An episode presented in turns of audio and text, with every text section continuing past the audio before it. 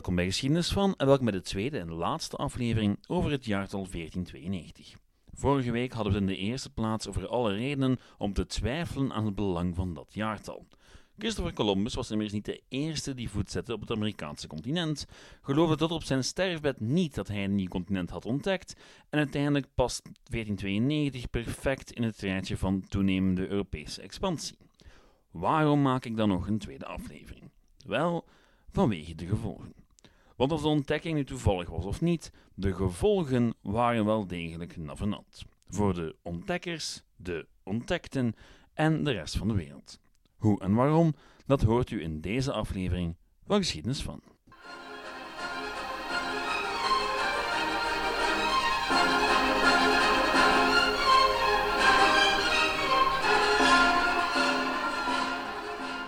Ik geef het toe, ik ben de eerste om het traditionele beeld van de geschiedenisboekjes in vraag te stellen.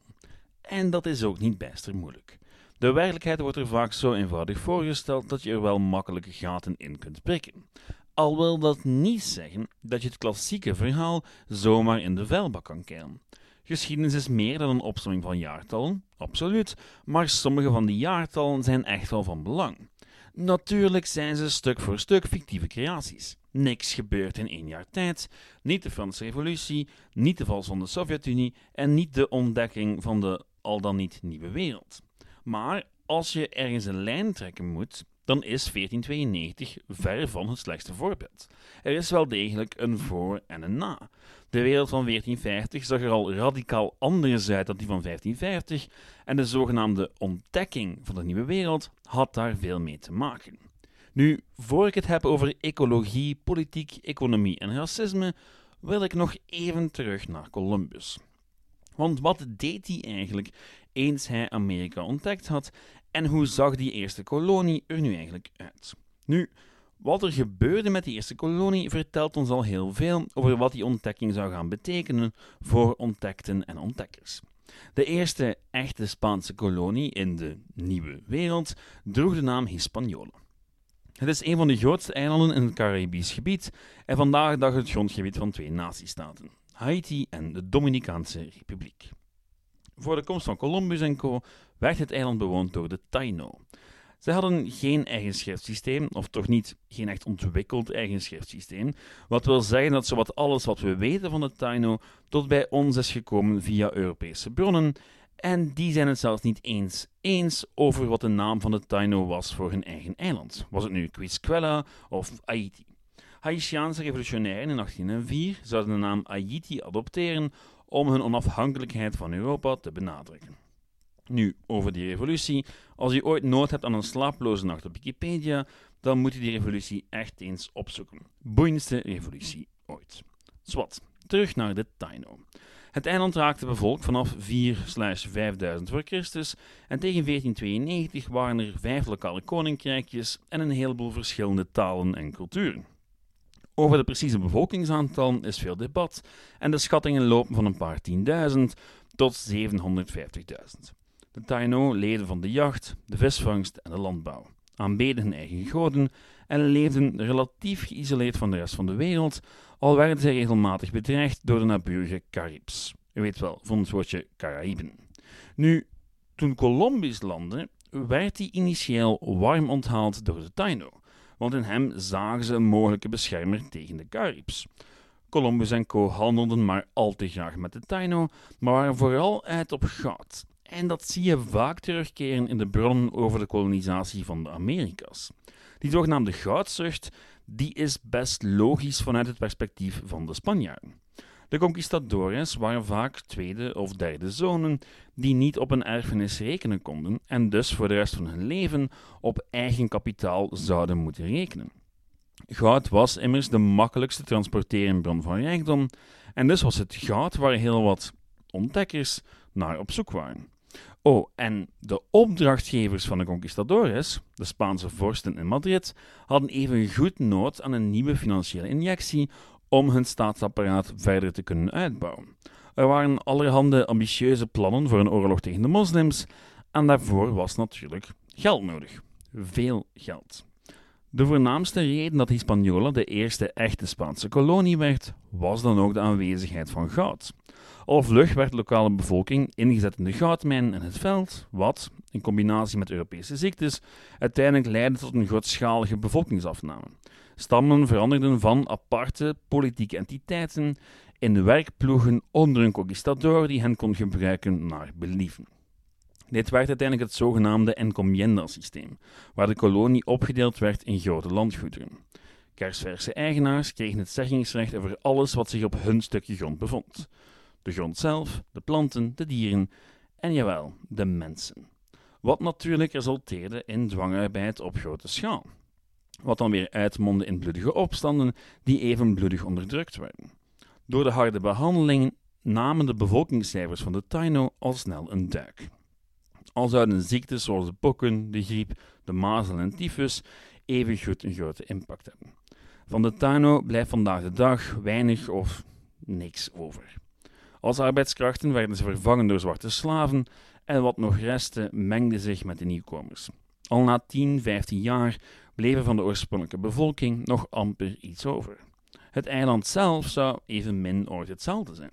De regenwouden aan de kust werden vervangen door plantages en ook de unieke fauna en flora moest er grotendeels aan geloven. Koloniale oorlogen tussen de Europese grootmachten zouden uiteindelijk leiden tot de splitsing van het eiland in een Frans en een Spaans deel, wat uiteindelijk leidde tot het ontstaan van Haiti enerzijds en de Dominicaanse Republiek anderzijds. Voor we verder gaan, enkel nog dit. Heel dit verhaal heeft ook weer zijn eigen context. Want het verhaal van Hispaniola lijkt verdacht veel op dat van de Canarische eilanden. U weet wel, de eilanden in de Atlantische Oceaan, die al in de 15e eeuw gekoloniseerd werden door de Spanjaarden. Die eilanden raakten na intense strijd bijna volledig ontvolkt en werden omgevormd tot eilanden vol plantages en zwarte slaven om het land te bewerken. Om maar te zeggen dat zelfs die eerste kolonie in de Nieuwe Wereld al een voorganger had. En dat er dus wel een heel groot verhaal van kolonisatie is, waar de Nieuwe Wereld ook gewoon een hoofdstuk in is. Goed, tot daar het verhaal van die eerste Europese kolonie in de Nieuwe Wereld. En dat heb ik er niet zomaar bij verteld voor de lol, maar omdat het een goed voorbeeld is van wat komen gaat. Een gelijkaardig verhaal gaat zich met andere details afspelen op een heleboel plekken. Nu, over naar de globale gevolgen van die kolonisatie, de wereldwijde gevolgen. Al kan je daar natuurlijk boeken vol mee schrijven, ik ga een paar aanraden op het einde van deze aflevering. Hier overloop ik gewoon even enkele van de grootste gevolgen. Um, het is enkel een bliksemoverzicht, maar ik geloof wel dat het schetst hoe gigantisch die impact wel geweest is. En waarom we 1492 als historisch jaartal moeilijk kunnen negeren. Beginnen doen we met de Columbian Exchange, een term voor de uitwisseling van fauna en flora tussen de twee werelden, de oude en de nieuwe. Kan raar klinken, maar die uitwisseling zou misschien wel de meest vergaande impact hebben van allemaal. Vanaf het moment dat de Spanjaarden voet zetten op Amerikaanse grond, begon er een uitwisselingsproces waar niemand op voorhand over had nagedacht. Duizenden jaren lang hadden de ecosystemen van Eurasië en de Amerika's zich los van elkaar ontwikkeld. Wat ervoor zorgde dat er een heleboel dingen waren aan de ene kant van de oceaan waar men aan de andere kant nog nooit van gehoord had. Paarden bijvoorbeeld. Vergeet het romantische beeld van nobele indianenstammen te paard op de Amerikaanse steppes. Ja, op een bepaald moment maakte het paard integraal deel uit van een heleboel van die culturen, maar enkel vanaf de 17e of de 18e eeuw. Hetzelfde geldt voor een heleboel planten die nu een integraal deel uitmaken van het dagelijks dieet in Zuid-Amerika. Geen amber waves of grain of Argentijnse biefstuk zonder Europese kolonisatie. Hetzelfde geldt voor Belgische frieten, spaghetti bolognese of chocolade. Al die zaken lijken dan wel een integraal deel van onze culinaire cultuur, maar zijn in werkelijkheid relatief recente producten van een ongekende golf van globalisatie in de 16e en 17e eeuw. Een golf die begon in 1492. In Europa ontwikkelde zich al heel snel een groot interesse in al die exotische producten uit het Westen. En daarbovenop bleek dat het klimaat van de Amerika's zich leende tot het teelt van gewilde producten, zoals suiker en koffie of waarom de eerste stukken regenwoud in landen zoals Brazilië eraan moesten geloven. Tegelijkertijd werd er ook nog iets anders uitgewisseld. Niet alleen hadden zich in Oost en West totaal andere diersoorten ontwikkeld, hetzelfde gold voor bacteriën en virussen. Het waren niet alleen de Taino die geplaagd werden door allerhande Euro-Aziatische ziektes. De rijken van Azteken en Maya's waren naar alle waarschijnlijkheid nooit zo snel geïmplodeerd zonder de immense impact van plagen allerhande. Daar is ook gewoon een simpele verklaring voor. Elke keer we in Eurasië een toenadering zagen tussen Oost en West, resulteerde dat in een golf van epidemieën. De tweede en de derde eeuw na Christus onder het Romeinse Rijk is een mooi voorbeeld daarvan, net als de late middeleeuwen toen de pest lelijk thuis hield in Azië en Europa. Door de continue uitwisseling echter was er een zekere immuniteit ontstaan voor een heleboel ziektes. Een immuniteit die men in de zogenaamde nieuwe wereld niet had. Die uitwisseling van goederen, dieren en microben was initieel nog relatief willekeurig. Maar al snel evolueerde die uitwisseling naar een systeem waar we vandaag de dag een duidelijke naam voor hebben: de transatlantische driehoekshandel. U had misschien de indruk kunnen krijgen dat de Europese kolonisatie van de Amerika's vooral daar een impact had, maar niks is minder waar. De impact was echt wel mondiaal en voelbaar over de hele wereld, vroeg of laat. Te beginnen met de Amerika's zelf natuurlijk, Europa en Afrika. Let op, Afrika was wel al vroeger betrokken geraakt in Europese handelsnetwerken. Terwijl de Portugezen langzaam maar zeker hun weg zochten rond Afrika richting Azië, richtten ze handelsposten op waar dan handel gedreven werd in slaven. Wel, voornamelijk slaven. En die werden dan geruild voor afgewerkte producten zoals wapens en dergelijke. Met de ontdekking van de Amerika's ontstond een gigantische vraag voor arbeidskrachten. Want ja, de plantages en mijnen van de Nieuwe Wereld hadden niet genoeg aan de oorspronkelijke bevolking en al snel na de ontdekking maakte schip na schip de tocht van Afrika naar het westen met slaven in het ruim.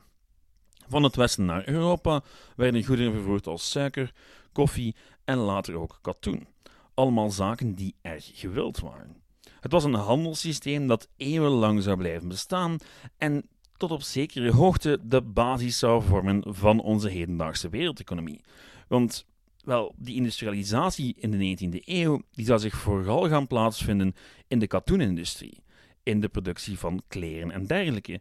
En de katoen die daarvoor gebruikt werd, wel, ja, die kwam wel degelijk van de Amerika's en werd vaak, en zeker in het begin van de 19e eeuw, geteeld door slaven die zelf oorspronkelijk afkomstig waren uit Afrika. Nu, natuurlijk waren de gevolgen niet enkel economisch. Ja, die kolonies brachten heel veel geld op, of toch op zijn minst alle handel die er gedaan werd, maar dat geld en die handel hadden ook een politieke impact. Meer geld voor de staat betekende meer middelen voor het eigen politieke en militaire apparaat. Om zichzelf te versterken, maar evengoed om de concurrentie aan te gaan met andere Europese mogendheden. Het mag dan ook niet verbazen dat er al snel een wedloop tot stand kwam tussen verschillende Europese grootmachten. Al snel werden Europese oorlogen niet enkel meer in Europa uitgevochten, maar over de hele wereld.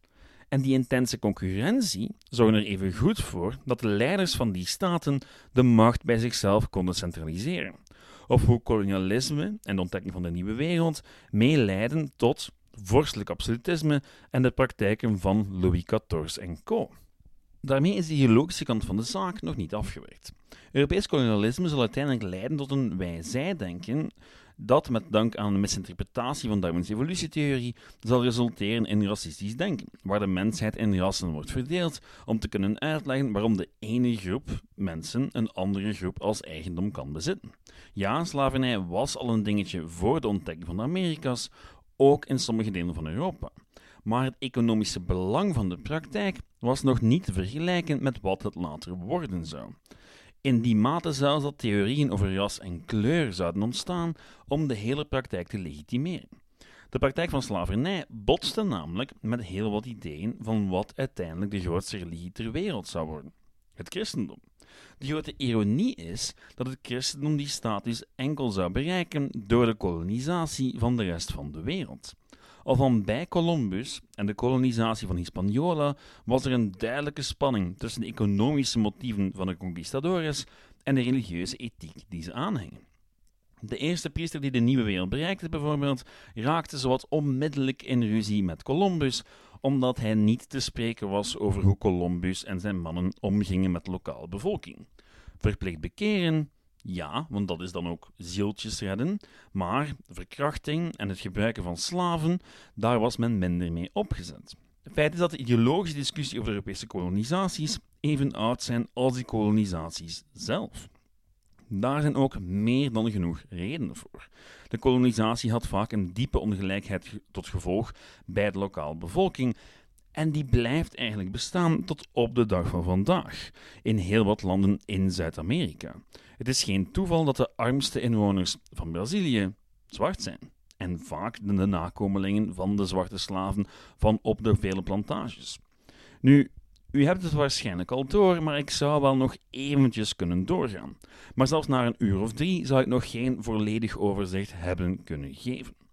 Alle gevolgen van 1492 zijn simpelweg niet te vatten in een korte podcast. Um, wat me trouwens tot mijn conclusie brengt. Als we alles bij elkaar optellen, dan valt het nog moeilijk te ontkennen dat het jaar 1492 wel degelijk een gigantische impact gehad heeft. En dus thuis hoort in onze schoolboekjes, zij het met de juiste uitleg. En dat is er net zo moeilijk aan. Om de impact van 1492 goed te kunnen plaatsen, heb je eigenlijk nood aan een gigantische achtergrondkennis.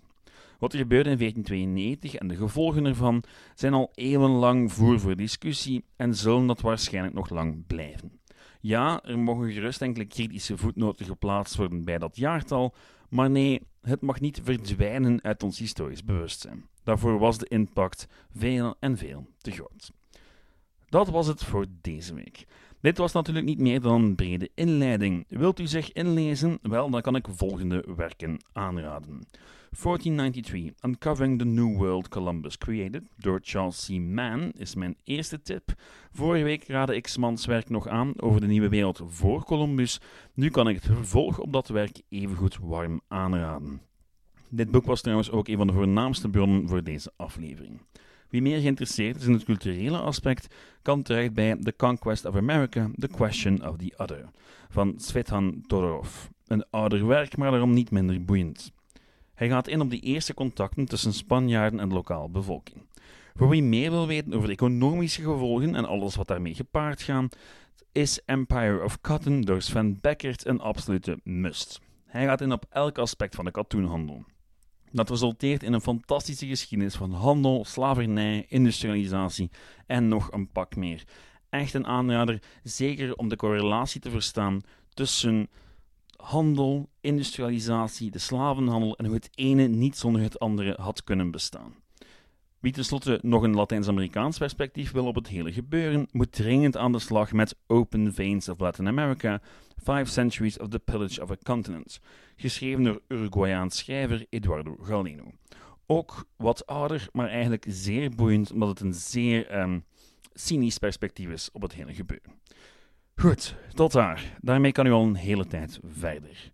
Volgende week iets helemaal anders, namelijk treinstations. Reageren kan via het e-mailadres geschiedenisvan.outlook.be, de website geschiedenisvan.be en de Facebookgroep Geschiedenis van. Bedankt voor het luisteren. Ciao.